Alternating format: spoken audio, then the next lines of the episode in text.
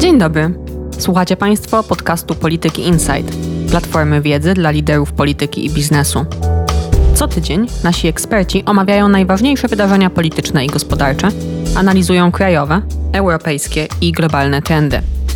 Ja nazywam się Hanna Cichy, jestem starszą analityczką do spraw gospodarczych i zapraszam do wysłuchania kolejnego odcinka i odwiedzenia strony internetowej politykainsight.pl. 5 grudnia OECD opublikowało wyniki najnowszej edycji badań PISA, mierzących umiejętności 15-latków z różnych krajów w zakresie czytania ze zrozumieniem, matematyki i nauk przyrodniczych. W porównaniu do poprzedniej edycji badania, przeprowadzonej w 2018 roku, średnie wyniki uczniów są gorsze, choć rezultaty różnią się pomiędzy krajami. Co badanie mówi nam o skuteczności zdalnej edukacji? Jak wypadła w nim polska szkoła i polscy uczniowie? O to będę dziś pytać Magdalenę Radwan, prezeskę Fundacji Dobrej Edukacji. To może na początek powiedzmy krótko, co to są za badania, dlaczego się nimi ekscytujemy, dlaczego to już jest trzeci dzień rozmów o tym, dlaczego to w ogóle jest ważne. Ja tu się śmieję do pani, że to w edukacji jest nasze najgorętsze pięć minut raz na trzy lata w tym roku, nawet raz na cztery, bo ze względu na pandemię ten sezon się trochę odsunął. To jest najważniejsze badanie w edukacji. Porównawcze badanie międzynarodowe od 2000 roku. Prowadzi je OECD, czyli Organizacja Współpracy Gospodarczej i Rozwoju. Tak. Nigdy nie wiem, jak rozwija się ten skrót po polsku. OECD ma w ogóle całą sekcję poświęconą edukacji. Prowadzi wiele takich badań, ale PISA jest tym badaniem najbardziej znanym w każdym razie. I chyba to, co jest najpiękniejsze w tym badaniu, to że ten sam test rozwiązują uczniowie w tym samym wieku z kilkudziesięciu krajów świata. Tak, z kilkudziesięciu gospodarek świata dokładnie, bo w OECD biorą udział czasem regiony, które OECD na potrzeby statystyczne traktuje osobno. Takim przykładem są niektóre regiony Chin, na przykład Makao jest osobno w tym teście, zresztą bardzo dobrze sobie radzi. I w tym roku to było 81 gospodarek świata. Polska bierze w tym badaniu udział prawie od samego początku i jest tak zwanym, czy też musimy powiedzieć dzisiaj, była tak zwanym tygrysem PISA, czyli takim krajem, w którym piętnastolatki osiągały wyniki jedne z najlepszych na świecie ale całkiem najlepszy mieliśmy postęp w tym badaniu, czyli ta droga, którą przeszliśmy od pierwszej edycji, w której braliśmy udział, do 2018 roku, to była historia największego sukcesu w PISA, największej zmiany. Tak, ja właśnie pamiętam ten 2019, bo wyniki są publikowane z rocznym opóźnieniem, ten wielki entuzjazm, kiedy się okazało, że polscy uczniowie we wszystkich trzech kategoriach znaleźli się w pierwszej dziesiątce na świecie, jeżeli się nie mylę, pierwszej trójce w Europie.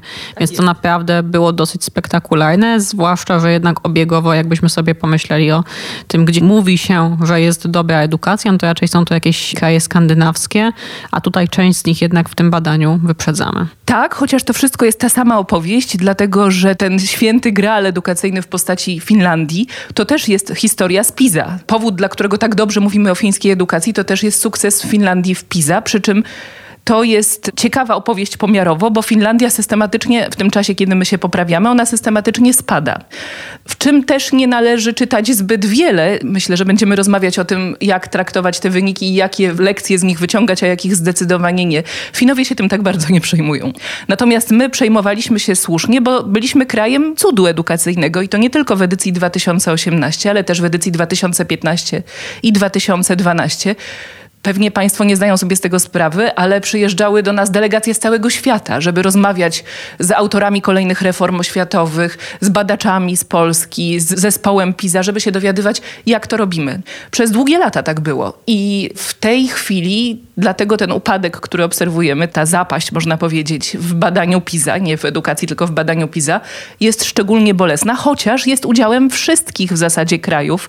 No nie wszystkich, ale większości krajów, zwłaszcza krajów rozwiniętych ten spadek ma charakter globalny i widzimy go od dekady. Tak, właśnie to mnie zastanowiło, bo najpierw pamiętałem te tabelki dla Polski i ten wykres, który tak sobie optymistycznie rósł, czy te wykresy, bo osobno się w tych trzech kategoriach klasyfikuje kraje, ale jak widziałam w skali światowej, to właśnie właśnie zarówno w wyczytaniu, jak i w umiejętnościach matematycznych jest jakiś taki konsekwentny spadek przez ostatnie kilka edycji tego badania. No i oczywiście pierwsze pytanie, które można by sobie być może naiwnie zadać, to czy po prostu osoby prowadzące te badania nie zaczęły układać coraz trudniejszych testów? Nie, to jest bardzo dobre badanie. Być może najlepsze, jakie się daje zrobić. To są standaryzowane testy, ogromna praca metodologiczna jest tu wkładana co roku, też odpowiadając na taki krytycyzm, który zawsze towarzyszy ilościowym pomiarom, że mierzymy to, co się daje zmierzyć, a nie to, co mierzyć należy.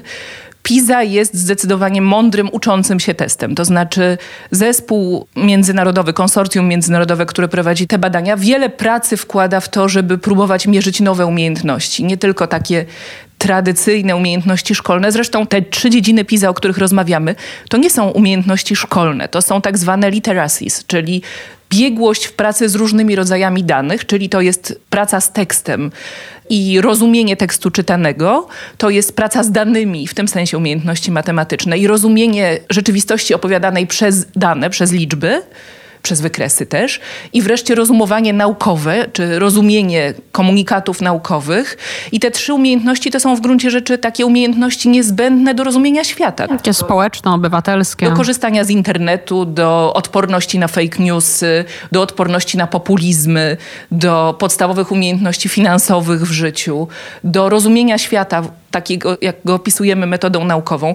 Dlatego w mojej opinii to nie są umiejętności, które mogą się zdezaktualizować i w tym sensie te żale, które zgłaszamy do szkoły, że jest pruska, że się nie zmienia, a świat idzie do przodu, to trochę jest krytycyzm, który nie dotyczy PISA w tym sensie. Natomiast nawet uwzględniając ten krytycyzm, OECD bezustannie eksperymentuje z pomiarem na przykład tych nowych kompetencji, tych przekrojowych kompetencji, z testowaniem w zakresie krytycznego myślenia, kreatywności, odpowiedzialności za świat, czy edukacji globalnej w tym sensie.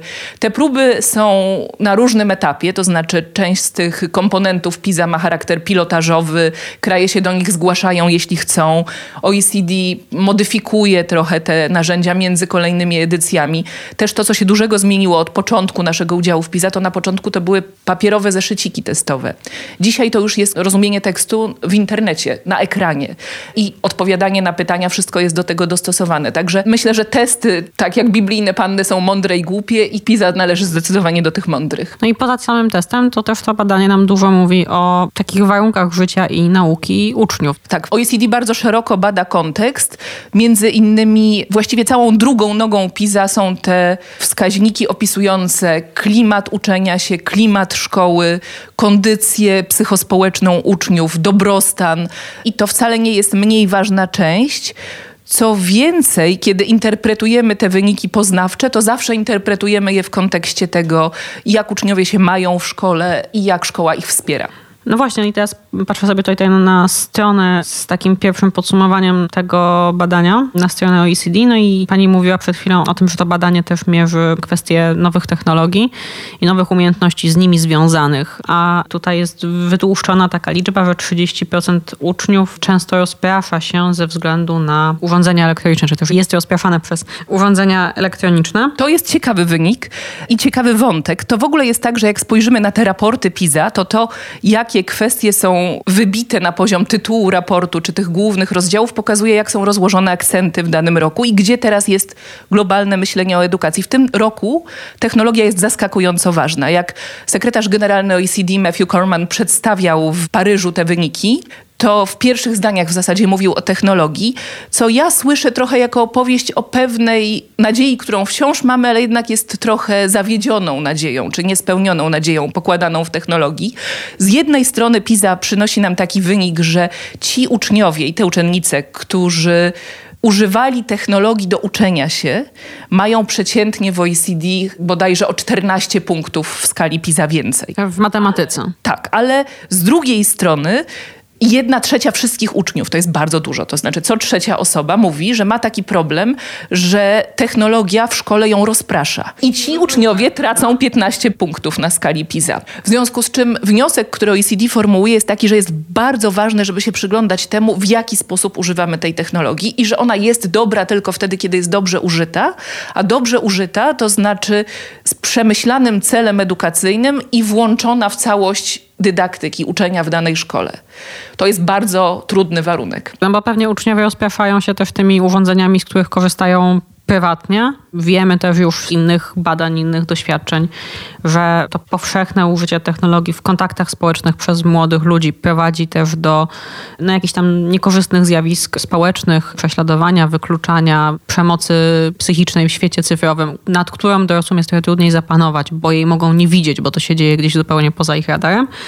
Pani powiedziała, że uczniowie, którzy korzystali z technologii, mieli wyższe wyniki w matematyce, ale tu jest napisane, że uczniowie, którzy korzystali z technologii do uczenia się. I w ramach zajęć w szkole, czyli nawet nie tylko, że odrabiali pracę domową, czy tam po południu sobie jakiś dodatkowy kurs tej matematyki odpalali, tylko, że tu szkoła miała jakieś przemyślane użycie tych technologii cyfrowych w nauce. No i ten aspekt cyfrowy jest tutaj bardzo ważny z pewnie dwóch aspektów. Po pierwsze, ten świat nam się coraz bardziej przesyca technologią i edukacja też próbuje w różnych krajach w różnym tempie za tym nadążać. No a po drugie, i to jest to, co chyba bardzo poważnie zaburza porównywalność tych wyników do poprzednich edycji, no to mamy jednak tutaj efekt pandemii i zarówno porównywalność wyników do poprzednich edycji, jak i porównywalność międzykrajową, bo kraje miały bardzo różne podejście tak. do zamykania szkół, były w różnym stopniu dotknięte tą pandemią, bo tutaj mamy też w tym badaniu kraje no i już wspomniane Chiny, gdzie to podejście było bardzo surowe i jakieś kraje Ameryki Południowej, gdzie to podejście było zupełnie inne niż w Europie.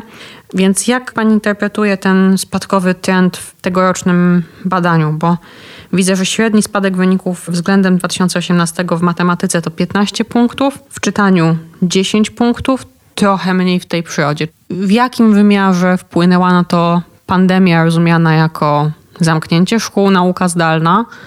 A w jakim pandemia też jako takie przeżycie społeczne, jakiś dodatkowy czynnik stresu dla uczniów, również stresu spowodowanego pogorszeniem warunków materialnych ich rodzin, co w wielu krajach pewnie mogło odegrać poważną rolę. Uczciwa odpowiedź jest taka, że tak dokładnie to nie umiemy powiedzieć, jaka część tego efektu wynika z pandemii samej, a jaka część wynika z szerszego trendu albo z polityki oświatowej w konkretnych krajach. Przy czym to, jak reagowaliśmy na pandemię, też jest częścią polityki w tych krajach, oczywiście, czyli odpowiedź pandemiczna też ma charakter polityczny do pewnego stopnia. Jeżeli mówimy o tym spadku, to tu trzeba sobie wyraźnie powiedzieć, że spadek w Polsce jest znacznie głębszy niż przeciętny spadek spadek w OECD i że to jest chyba szósty spadek na świecie co częściowo się wiąże z naszą odpowiedzią pandemiczną, bo szkoły w Polsce były zamknięte w zasadzie najdłużej w OECD. Tak, i jeszcze to też są dane OECD tylko z takiego corocznego badania Education at Glance.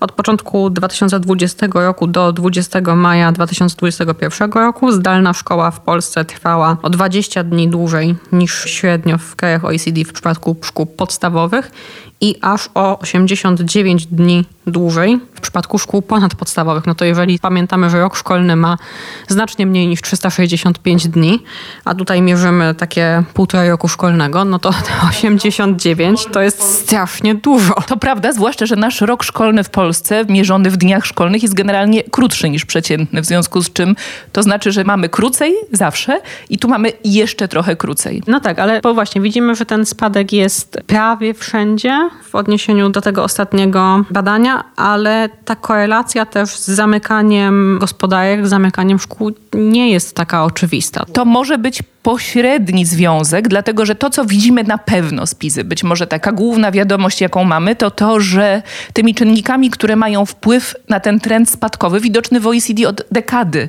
a nie od pandemii, czyli to jest na pewno dłuższy proces, to są spadające zaangażowanie uczniów w szkołę, takie zaangażowanie związane z poczuciem przynależności, związane z tym, jak bardzo identyfikujemy się z tą szkołą sprawczość nauczycieli spadająca i ogólny dobrostan obu stron, to znaczy i uczniów, i nauczycieli. Znaczy, jeżeli wszyscy uczestnicy tego procesu edukacyjnego są nieszczęśliwi, nie czują się na miejscu, to, to wtedy spadają rezultaty. Tak. Co pewnie nie jest jakimś szokującym wnioskiem, tylko pytanie, dlaczego tak jest? Nie jest i to oczywiście pandemia to nasila, tak? To, co widzimy w tym sensie jest intuicyjne, natomiast to się nie zaczęło od pandemii, to się zaczęło wcześniej i tu poza PIZę wykracza znacznie diagnoza tego, dlaczego się tak stało.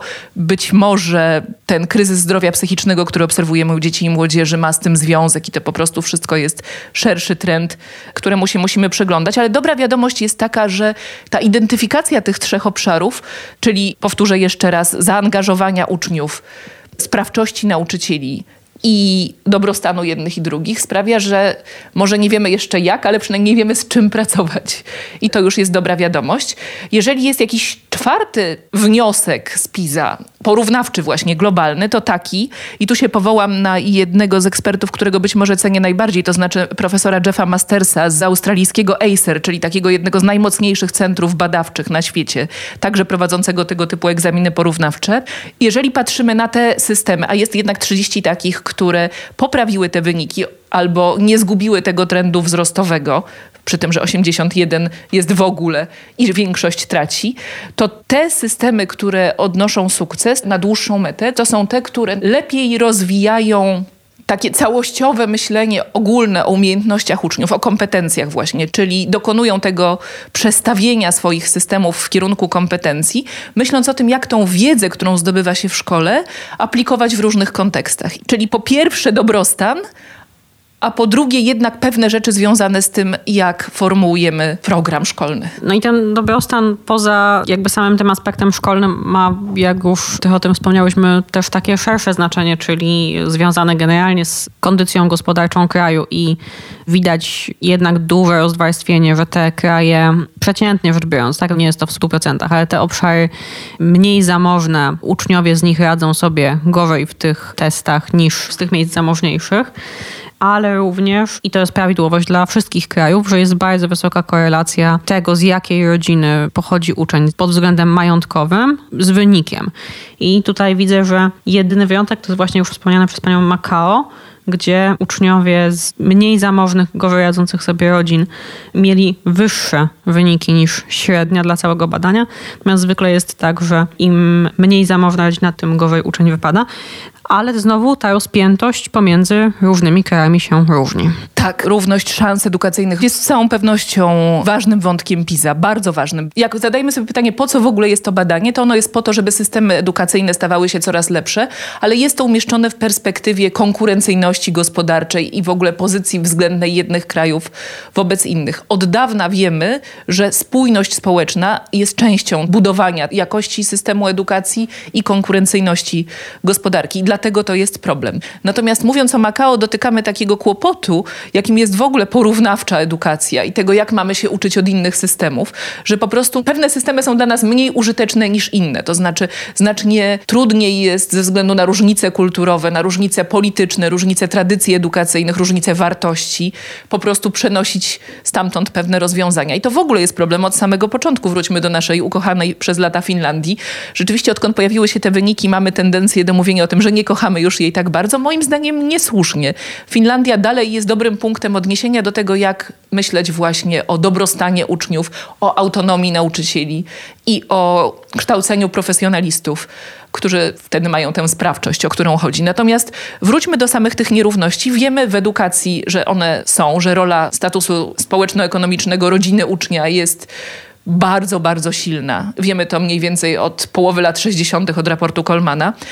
I niestety, mimo wysiłków, które przez te lata od tego czasu politycy, nie tylko edukacyjni, podejmują, społeczeństwa podejmują, nie zmieniło się w tej sprawie tak dużo, jakbyśmy chcieli. I w tym sensie to, co martwi OECD, to jest to, żeby nie tracić, nie powiększać tych nierówności, co też nie we wszystkich krajach się udaje.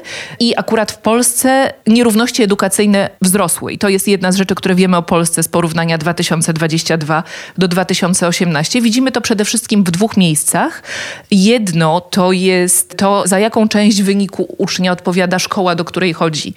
Czyli mniej więcej za 40% zróżnicowania wyników w tej chwili odpowiada właśnie to, z której szkoły są ci 15-latkowie.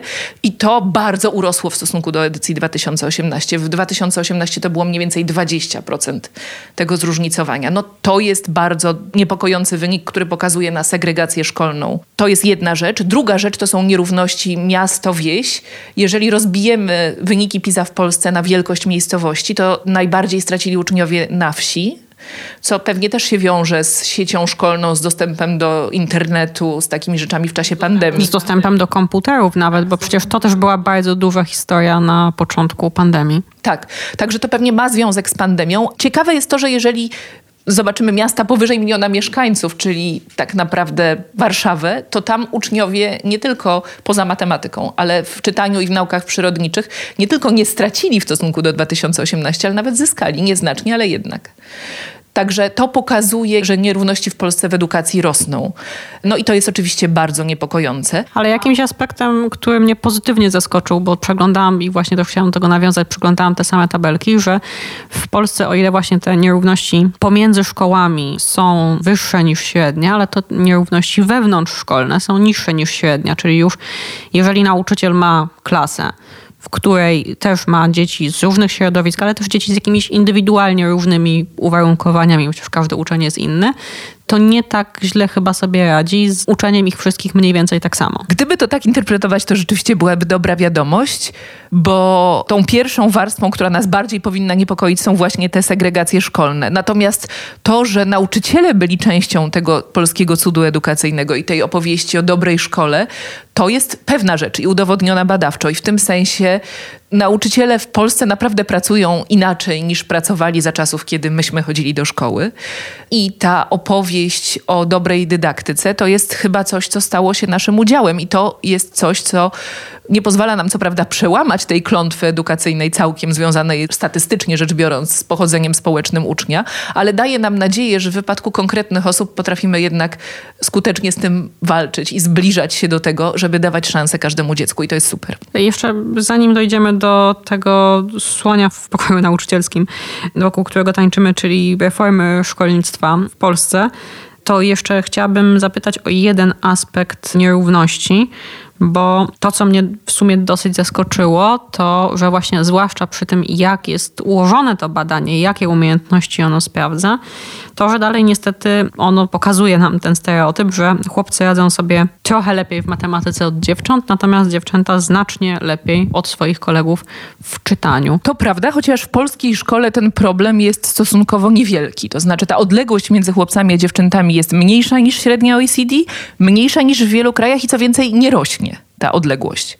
To jest dobra wiadomość już, natomiast mało się na tym znam tak naprawdę, na różnicach między chłopcami a dziewczętami akurat w tym aspekcie, ale rozumiem, że tam jest nie tylko kwestia indywidualnych preferencji, ale też takich trajektorii rozwojowych, w związku z czym tutaj mamy piętnastolatków i piętnastolatki, czyli dzieci z tego samego rocznika. Być może do pewnego stopnia te różnice daje się tłumaczyć trajektoriami rozwojowymi. Gdybyśmy ich zbadali przy założeniu wszystkich pozostałych zmiennych takich samych w wieku 20 lat, to te różnice byłyby mniejsze. No tylko, że niestety... To jest specjalistyczne pytanie, na które ja akurat 15 a 20 tak. oni też podejmują ważne życiowe decyzje. Oraz muszą zdać maturę, do czego przydają się te kompetencje. No tak. pewnie nie wszyscy zdają też maturę, natomiast generalnie wybrać pewną dalszą ścieżkę życiową, do czego przydają się te kompetencje. Tak, tutaj mówi pani słusznie oczywiście, że nie wszyscy zdają maturę i tu musimy spojrzeć na bardzo ważną rzecz tych wyników w Polsce. W ogóle ciosem w jest wiadomość, że 23% tych piętnastolatków nie osiąga minimalnego poziomu kompetencji. I to jest taki poziom kompetencji, o którym OECD mówi o którym właściwie UNICEF mówi, że to jest warunek dobrostanu. Czyli żeby sobie radzić w życiu w zadowalający sposób, trzeba mieć przynajmniej minimalny poziom kompetencji. Co wyżej to już nie jest takie ważne, bo można dobrze żyć różnymi ścieżkami, ale to jest taki poziom, poniżej którego no po prostu nie daje się dobrze żyć w dorosłym życiu. Mamy 23% takich piętnastolatków. To jest zła wiadomość. I to jest więcej niż było w poprzednim badaniu, czy mniej? To jest znacznie więcej niż było w poprzednim badaniu. W ramach celów rozwojowych ONZ jest powiedziane, że 15% nie powinno przekraczać, że to jest taki bezpieczny poziom dla demokracji, dla unikania populizmu, dla dobrego funkcjonowania w społeczeństwie, do tego, żeby nierówności jakoś dramatycznie nie rosły.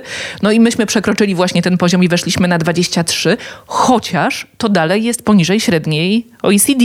Tam wydaje mi się, że ta średnia jest w okolicach 25%, a są kraje, w których no na przykład pamiętam, że w Kambodży ten odsetek osób, które w ogóle osiągają ten poziom, to jest tylko 8%, czyli 92% społeczeństwa nie osiąga. Czyli to jest tak, no, ale to, to jest kiepskie to jest pocieszenie, tak. tak. W Singapurze na przykład w zakresie czytania ze zrozumieniem ten minimalny poziom osiąga 89% piętnastolatków, czyli nie osiąga 11. To jest ten zakres, w którym się poruszamy, ale to nie jest dobra wiadomość. Niezależnie od porównań międzynarodowych, to nie jest dobra wiadomość. No bo to znaczy, że prawie co czwarty z tych młodych ludzi, który no badanie jest przeprowadzone w 22 roku, czyli oni za 2-3 lata wejdą w dorosłe życie i będzie mieć problem z przeczytaniem ze zrozumieniem swojej umowy o pracę, umowy najmu tak. mieszkania, umowy kredytu, takich życiowych decyzji, które mogą wpływać też na jego czy jej sytuację materialną i rodzinną. Tak, to jest poważny kłopot i powinniśmy o tym myśleć, planując im dalsze kształcenie dlatego że generalnie w szkole powinniśmy się spotykać z uczniami tam, gdzie oni są. To znaczy, że jedna czwarta naszych uczniów jest w takim miejscu, że ledwo rozumie to, co czyta. W związku z czym zapewne, jeżeli nie dostosujemy programu do tej sytuacji, to wszystko, co zrobimy przez te następne lata, pójdzie w gwizdek. Zwłaszcza, że, i tu dlatego mówiłam o tej maturze, że 66% to jest odsetek takich uczniów, którzy nie dają sobie rady w szkołach branżowych. Czyli to nie jest tak, że to jest równo rozłożone. I to ma bezpośredni związek ze zmianą struktury no systemu właśnie, szkolnego. Bo jeszcze to poprzednie badanie PISA to było ostatnie badanie, które badało gimnazjalistów. No i wtedy można powiedzieć, że wszystkie te dzieci chodziły do tej samej szkoły. No oczywiście nie, tak, bo te szkoły się różnią pomiędzy miastami i wsiami pomiędzy szkołą a szkołą. Ale różnią się mniej, bo co do zasady gimnazja były rejonowe. Ale miały ten sam program nauczania przede wszystkim. Natomiast teraz to są uczniowie, z których część jest w liceum, część jest w technikum, część jest w szkole branżowej. No i tutaj zarówno mamy pewnie jakąś tam selekcję do tych szkół, dosyć wytłumaczalną i wyobrażalną, ale też czas, który oni już spędzili w tej swojej nowej szkole, która ma zupełnie inny zakres podstawy programowej. Tak, chociaż tu chciałam zrobić jedno ważne zastrzeżenie. To, co widzimy z PISA, to w żaden sposób nie jest ocena pracy szkoły. To, co mówimy o tych 23% dzieci, które nie osiągają minimalnego poziomu, to jest raczej efekt selekcji. To, co mówimy o segregowaniu się systemu szkolnego, to jest przede wszystkim efekt selekcji, czyli tego, że i autoselekcji, i selekcji w oparciu o egzamin ósmoklasisty, jeżeli mówimy o szkołach ponadpodstawowych. Czyli to przede wszystkim jest tak, że te dzieci o słabszych kompetencjach i też jak patrzymy na tą część dotyczącą tego zaplecza społecznego, no jednak o niższym kapitale społeczno-ekonomicznym w rodzinie, grupują się w pewnych szkołach. I to jest kłopot. No i to wyjaśnia nam częściowo tą wysoką i rosnącą wariancję międzyszkolną, ale też jak patrzyłam sobie na zalecenia, które autorzy tego badania formułowali w oparciu o te wyniki, no to Pierwsze dotyczyły stricte doświadczeń wynikających z pandemii, tak? czyli że ograniczenie do minimum czasu zamknięcia szkół i zdalnej nauki, no bo wiemy, że ta zdalna nauka jest też wykorzystywana przy innych okazjach, w Ukrainie na przykład w trakcie wojny, ale też ostatnio pojawiały się takie głosy, czy może by wprowadzić zdalną naukę, jak jest bardzo zimno, jak uczniowie nie mogą dotrzeć do szkoły ze względu na śnieg, czy w innych krajach na przykład w sezonie jakichś innych trudnych zjawisk klimatycznych, no to tutaj jest takie zalecenie, żeby jak najmniej tego czasu poza szkołą uczniowie spędzają. A jeżeli już muszą, to żeby mieli jak największy dostęp do nauczyciela i żeby szkoła też wcześniej ich przygotowywała do samodzielnej nauki. Super. Natomiast gdzieś tam w tej pierwszej dziesiątce zaleceń jest też, żeby jak najpóźniej uczniowie dokonywali specjalizacji, wyboru szkół. Czyli to jest właśnie to, co odwróciliśmy, bo ta reforma edukacji, którą tutaj pierwszy raz w tym badaniu widzimy, polega na tym, że znacznie młodsi uczniowie muszą podejmować wspólnie ze swoimi rodzicami decyzje no tak naprawdę o swojej przyszłości, no bo potem ta droga, gdyby ktoś poszedł do szkoły branżowej, to droga do wyższej edukacji już, no nie powiem, że jest zamknięta, jest na pewno bardzo trudna. Nie jest zamknięta, zawsze można wrócić. To tak mamy skonstruowany system szkolny na szczęście, ale rzeczywiście to jest droga znacznie bardziej wyboista, tak. Ten argument, że dziewięcioletnia powszechna edukacja w Polsce była jednym z powodów polskiego sukcesu edukacyjnego, tego co widzieliśmy w poprzednich edycjach PISA, to był bardzo mocny argument, wielokrotnie podnoszony na świecie, także przez analogię do innych systemów, które mają odroczony ten moment selekcji.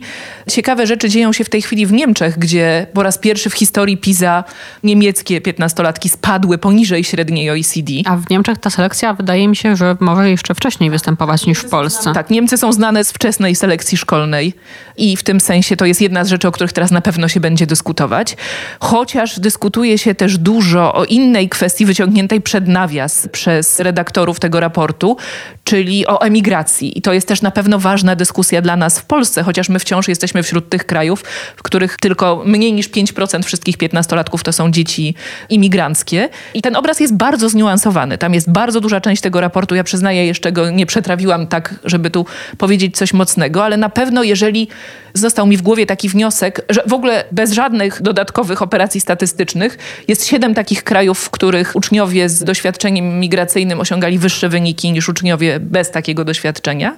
Jeżeli kontrolujemy pochodzenie społeczne, czyli ten status społeczno-ekonomiczny, to już jest 17 takich krajów, a jeśli jeszcze kontrolujemy znajomość języka, czyli wyłączamy ten efekt znajomości języka, tego jak zaawansowane są te dzieci pod względem znajomości języka, to tych krajów robi się ponad 30 co pokazuje kapitał taki ludzki, intelektualny, jakim mogą być uczniowie z doświadczeniem migracyjnym. I generalnie myślę, że w Polsce powinniśmy się temu przyglądać, dlatego że imigranci w polskiej szkole to jest zdecydowanie rosnąca skala i też niewystarczająco przez nas zaopiekowana. Także to jest coś, co powinniśmy czytać jako politycy oświatowi ze szczególną uwagą. No ja spotkałam się też z takimi interpretacjami tego polskiego zjazdu, tak, bo chyba szczególnie wyraziłyśmy w kategoriach numerycznych. W matematyce to jest spadek z 9 na 12 miejsce na świecie, w czytaniu z 9 na 15, w przyrodzie z 10 na 16. No i o ile ten spadek w skali całego badania liczby punktów to jest jakieś tam 15 punktów mniej więcej, to w Polsce to jest 20 kilka. Tak. Jak spadać to z wysokiego konia? No i Tutaj pewnie część tego efektu to jest to, o czym już mówiłyśmy, czyli dłuższy okres zdalnej nauki, ale widziałam też takie interpretacje, że ta reforma edukacji, która nie tylko zmieniła strukturę szkolnictwa, ale po drodze zmieniła też trochę programy nauczania, czy przy okazji, też w kierunku, który raczej nie służy osiąganiu dobrych wyników w tym badaniu, czyli na przykład, że uczniowie mają więcej czasu w szkołach poświęcać na lektury i to jest inny rodzaj czytania, inny rodzaj czytania ze zrozumieniem niż ten, który jest badany w PISA, że te zmiany programowe też nie służą temu budowaniu tego rodzaju kompetencji, takich kompetencji życiowych, a bardziej takich kompetencji szkolno-akademickich, powiedziałabym. Rozumiem, że jesteśmy w momencie takiej politycznej pokusy, żeby te wyniki jednoznacznie interpretować politycznie trochę jako bilans otwarcia nowej ekipy, ale myślę sobie, że to jest trudno bardzo powiedzieć tak uczciwie na bazie tego materiału badawczego, który mamy.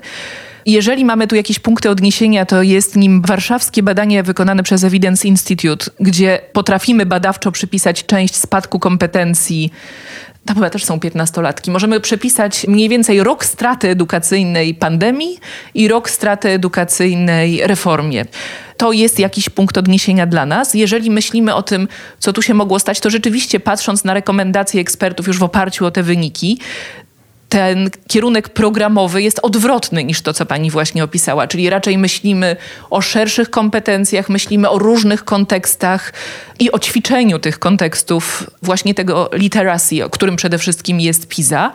Natomiast z drugiej strony to, co się zmieniło w ostatnich latach, to zmieniła się nie tylko podstawa programowa. W matematyce zresztą nie zmieniła się tak bardzo, to bardziej dotyczy tych pozostałych obszarów, które wchodzą w PISA. Także to jest zniuansowany problem, ale zmieniła się też formuła egzaminów. I teraz część osób mówi, że polski sukces w PISA był taki spektakularny, dlatego że my nasze egzaminy zewnętrzne upodobniliśmy do PISA. I to jest prawda zewnętrznie, rzeczywiście one szły w podobnym kierunku. I to nie chodziło tylko o to, żeby dobrze wypadać w badaniu. Tak, ale to dlatego, że tak myślimy w ogóle dzisiaj i o budowaniu umiejętności, i o tym, czego uczyć w szkole, i o tym, jak budować te umiejętności, i o tym, jak je sprawdzać. Natomiast to, co się wydarzyło przez te ostatnie lata, to odeszliśmy od tego podobieństwa. Te egzaminy są bardziej tradycyjne w tej chwili, idą w trochę innym kierunku niż PISA, czyli no rzeczywiście używając argumentu tych osób, nie jest tak, że trenujemy uczniów w tym momencie w tym kierunku, ale między nami mówiąc, myślę, że to są stosunkowo świeże efekty i na to trzeba by w dłuższej perspektywie poczekać. Nie mówiąc o tym, że to bardzo zdecydowanie chciałam powiedzieć, w oparciu o to, co mamy w tej chwili, nie da się rozdzielić efektu pandemii i reform edukacji ilościowo, a jeszcze wchodzi w grę ten szerszy trend, który, jak mówię, trwa przynajmniej od dekady w krajach rozwiniętych i który ma, myślę, więcej wspólnego z kończeniem się szkoły jako instytucji, którą znamy, iż takim kryzysem, który w ogóle wymaga wytworzenia nowych form i z kryzysem zdrowia psychicznego, niż z obecnością lub usunięciem gimnazjów. Chociaż znowu na materiale PISA od 20 lat dobrze wiemy, że są mocne powody, żeby przypuszczać, że ta dziewięcioletnia powszechna szkoła była częścią polskiego sukcesu edukacyjnego. No i może jeszcze też jest tak, że jednak każdy system się gdzieś tam uczy w trakcie działania i tutaj ta zmiana mogła wpłynąć na wyniki nie tylko dlatego, że zmieniło się z A na B, ale też z samego faktu zmiany. Czyli jeżeli cofniemy się jeszcze wstecz do pierwszych doświadczeń, do pierwszych lat funkcjonowania gimnazjów, to one też nie były takie różowe i na docenienie gimnazjów potrzebowaliśmy paru lat. Chociażby dlatego, że to są nauczyciele, którzy muszą się nauczyć pracować z dziećmi w innym wieku, z trochę inną podstawą programową, z innym podręcznikiem, z innymi wymaganiami. Zmieniły się, tak jak pani powiedziała, egzaminy, więc trzeba się też nauczyć uczyć pod ten nowy egzamin i to dotyczy obu stron tego procesu.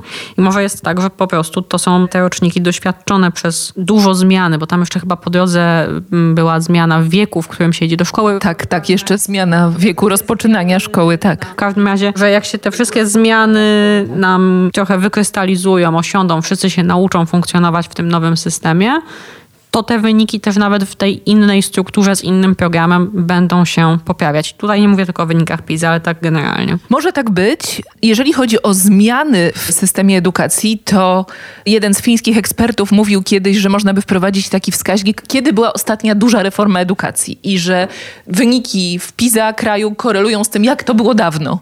Nie wiem, nie sprawdzałam tego osobiście, opowiadam to anegdotycznie, natomiast warto zwrócić uwagę, że w tej chwili mamy na stole dwa raporty PISA 2020 22 międzynarodowe, pewnie będzie trzeci. Ten drugi jest poświęcony odporności krajów w warunkach szoku, w warunkach zmiany. To oczywiście dotyczy pandemii przede wszystkim, ale być może to jest w ogóle szersze pytanie o życie w czasach niepewności. I to jest bardzo ciekawa analiza.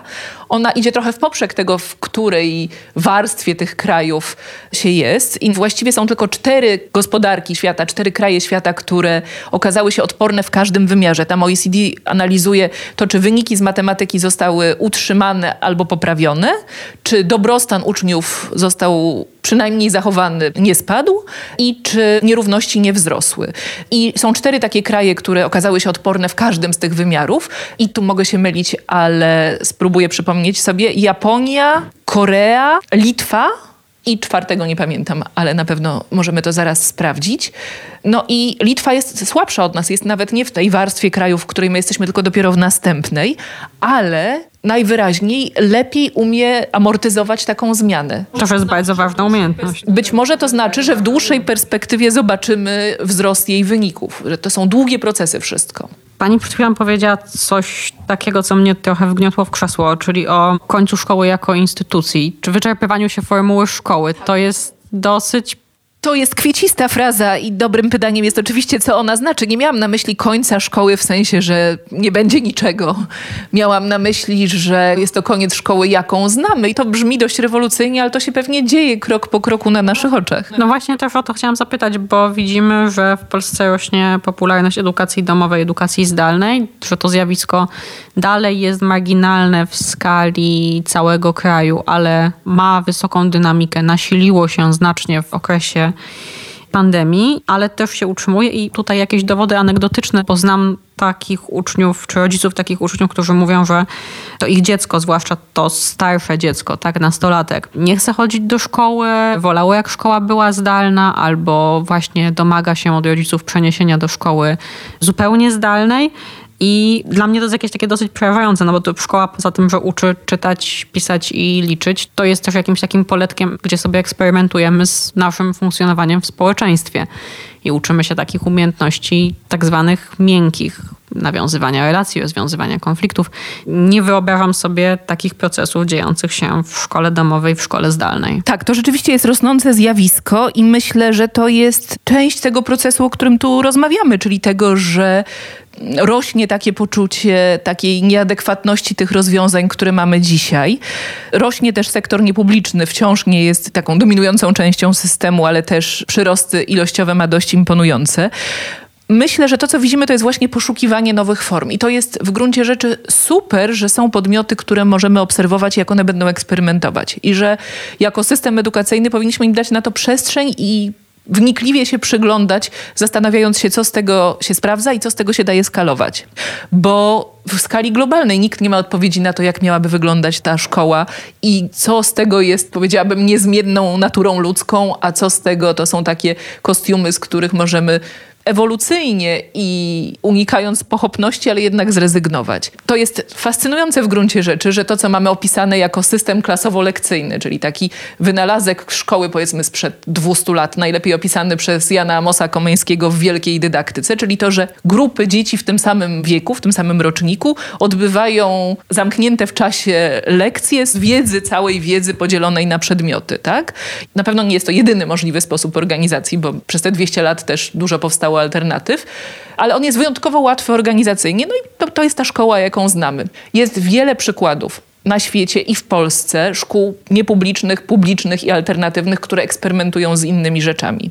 Dzisiaj po prostu umiemy jeszcze tego skalować. To się będzie działo w kolejnych edycjach PISA w najbliższych latach i będzie bardzo ciekawe jako system, odporny system, tak jak mówi OECD, musimy się nauczyć to wchłaniać. Przed chwilą prosiła Pani, żebyśmy nie traktowali tego badania jako świadectwa wystawionego poprzedniej władzy, poprzednim ministrem edukacji, no ale też po to są te badania prowadzone, żebyśmy mogli z nich wyciągać jakieś praktyczne wnioski. Tak, służą monitorowania polityki edukacyjnej. Ja chyba nie ujęłam tego aż tak, e, aż tak ostrożnie. Ale to ja bym teraz chciała do przodu na to spojrzeć raczej, bo rozmawiamy w piątek, w poniedziałek prawdopodobnie będziemy mieć nowy rząd, będziemy mieć nową prawdopodobnie ministerkę edukacji, to jakie wnioski z tego badania są dla nowego Ministerstwa Edukacji? Tak, w gruncie rzeczy te międzynarodowe wnioski są dla nas bezpieczniejsze niż te lokalne i ja bym powtórzyła jeszcze raz to, o czym już rozmawiałyśmy, czyli po pierwsze dobrostan, sprawczość nauczycieli i zaangażowanie uczniów. A sprawczość to jest autonomia? To znaczy zadbać o nauczycieli. Sprawczość to jest, brzydko mówiąc po angielsku, agency, czyli to jest nie tylko autonomia, ale też poczucie że to, co robię, ma sens i że mogę zrobić różne rzeczy i że one mogą przynieść efekty.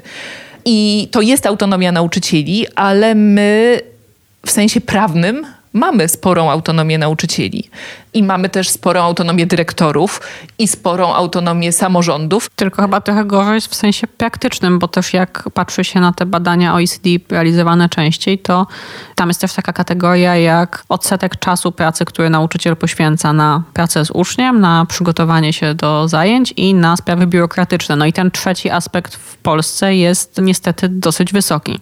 Tak, i rzeczywiście ograniczenie biurokracji jest czymś do zrobienia natychmiast. I czymś, co już każdy kolejny minister edukacji w ostatnich latach cyklicznie obiecuje. Deklaruje. Tak. tak, to jest ćwiczenie, które trzeba wykonać.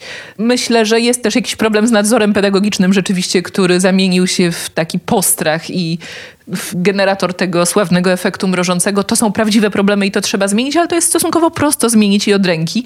Niestety od tego inne rzeczy nie zmienią się same. Myślę, że jesteśmy na takim etapie, że musimy uniknąć takiej pokusy robienia szybkich i dużych zmian.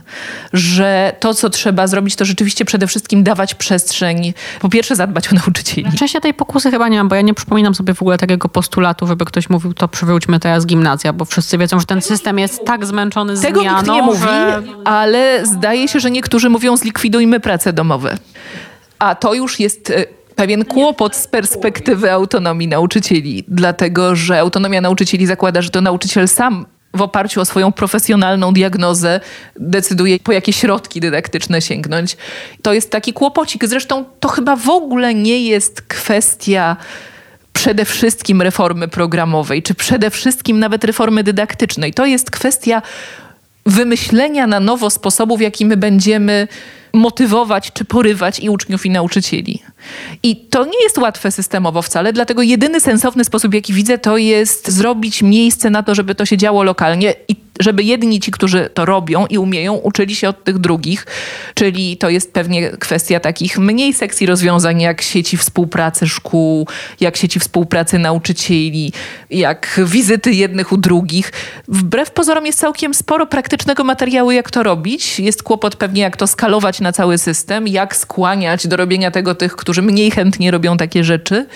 No i też to wymaga czasu.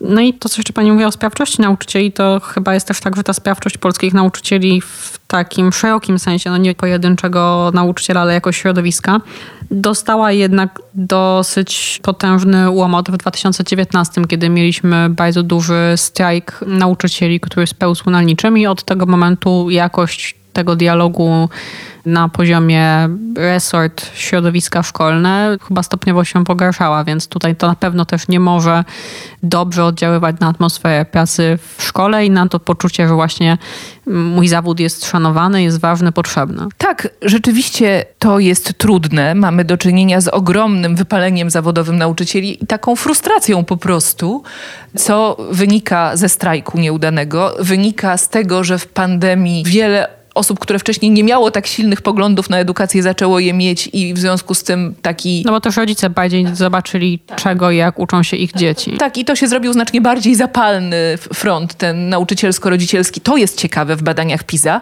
OECD wydaje taką country note dla każdego kraju, wydaje też ją dla Polski. Ciekawe jest rozłożenie akcentów, ono na ogół jest inne niż w naszym raporcie krajowym, w którym sami piszemy o sobie. Tam jest cała sekcja dotycząca zaangażowania rodziców. Może dlatego, że spadek zaangażowania rodziców w szkołę w Polsce między edycją 2018 a 2022 jest naprawdę spektakularny. Spadek? Pomimo właśnie tej pandemii i uczenia się dzieci w domach? To spadło w całym OECD bardzo, ale żeby nie było tak, że mówimy o bańkach, żebyśmy myśleli o tym w skali całej Polski i wszystkich rodziców, uczniów, bo tam jest ciekawy sposób mierzenia tego, to dyrektor raportuje i mówi, jaka część jego uczniów miała rodziców, którzy w ciągu ostatniego roku z własnej inicjatywy zgłosili się do szkoły, żeby o nim porozmawiać, o tym uczniu. No i to było przed pandemią nie pamiętam już 49 albo 43%, a teraz jest rzędu 20, też nie pamiętam tu dokładnej liczby. Czyli spadło bardzo, no i właśnie znowu spadło spektakularnie na tle OECD. I teraz pytanie, co widzimy, tak? Jedna rzecz to oczywiście może być w pandemii związane z w ogóle rozluźnieniem się relacji ze szkołą, ale pytanie jest, dlaczego u nas to się rozluźniło tak wyraźnie bardziej. To może być też wskaźnik, który pokazuje kryzys zaufania do szkoły jako instytucji, czyli nie przychodzę rozmawiać, bo w ogóle no, niczego się nie spodziewam, do niczego to nie prowadzi. No i jeśli tak, to mamy duży problem.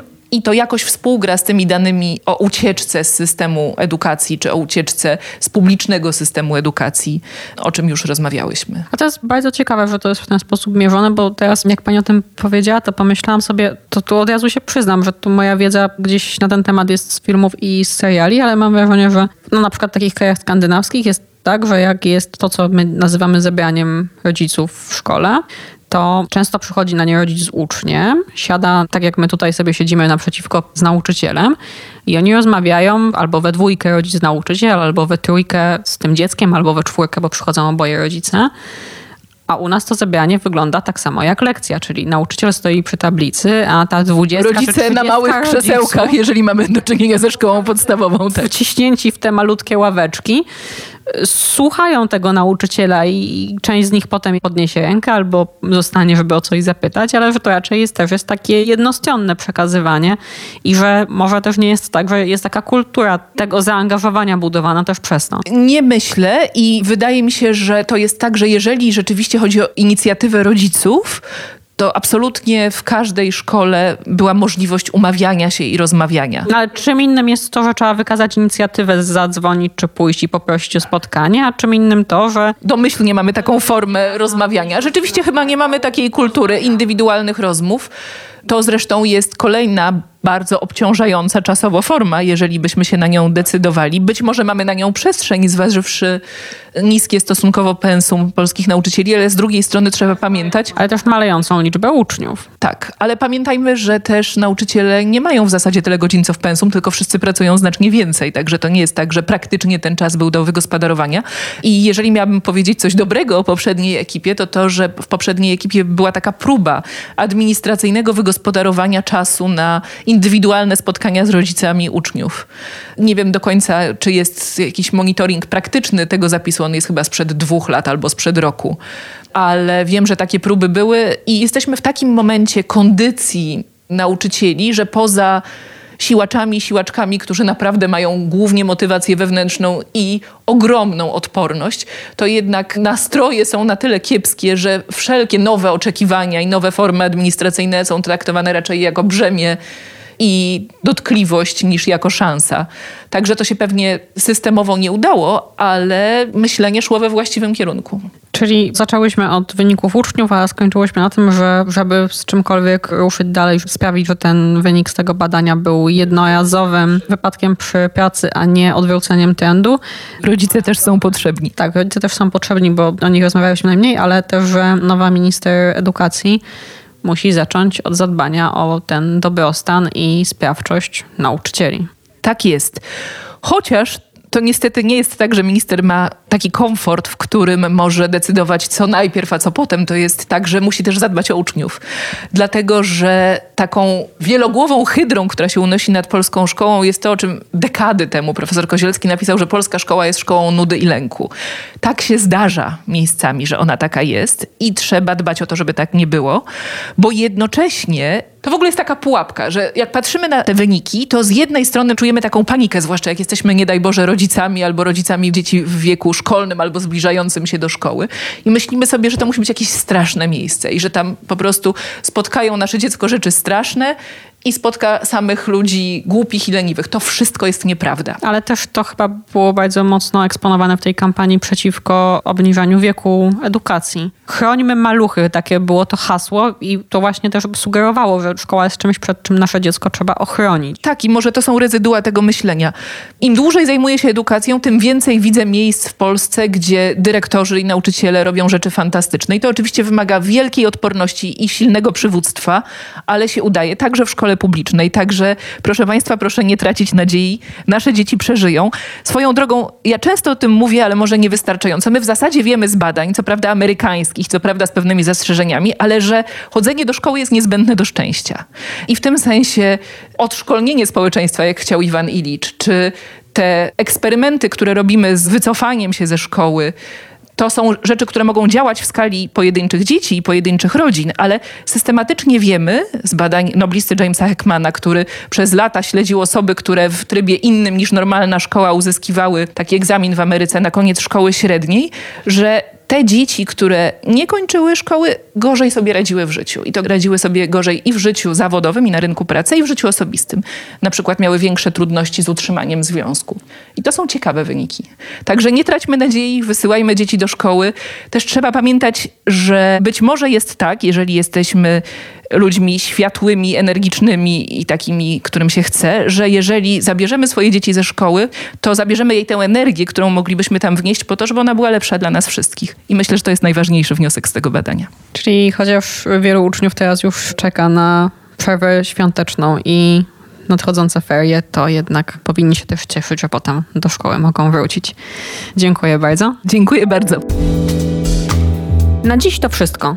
Na kolejny odcinek podcastu zapraszam za tydzień, a w międzyczasie posłuchajcie naszych innych audycji, które znajdziecie w najważniejszych serwisach podcastowych: Spotify, Apple, Google, na SoundCloudzie i w aplikacji Radiatok FM. W pole wyszukiwania wpiszcie po prostu Polityka Insight. Słuchajcie, obserwujcie i komentujcie. Do usłyszenia.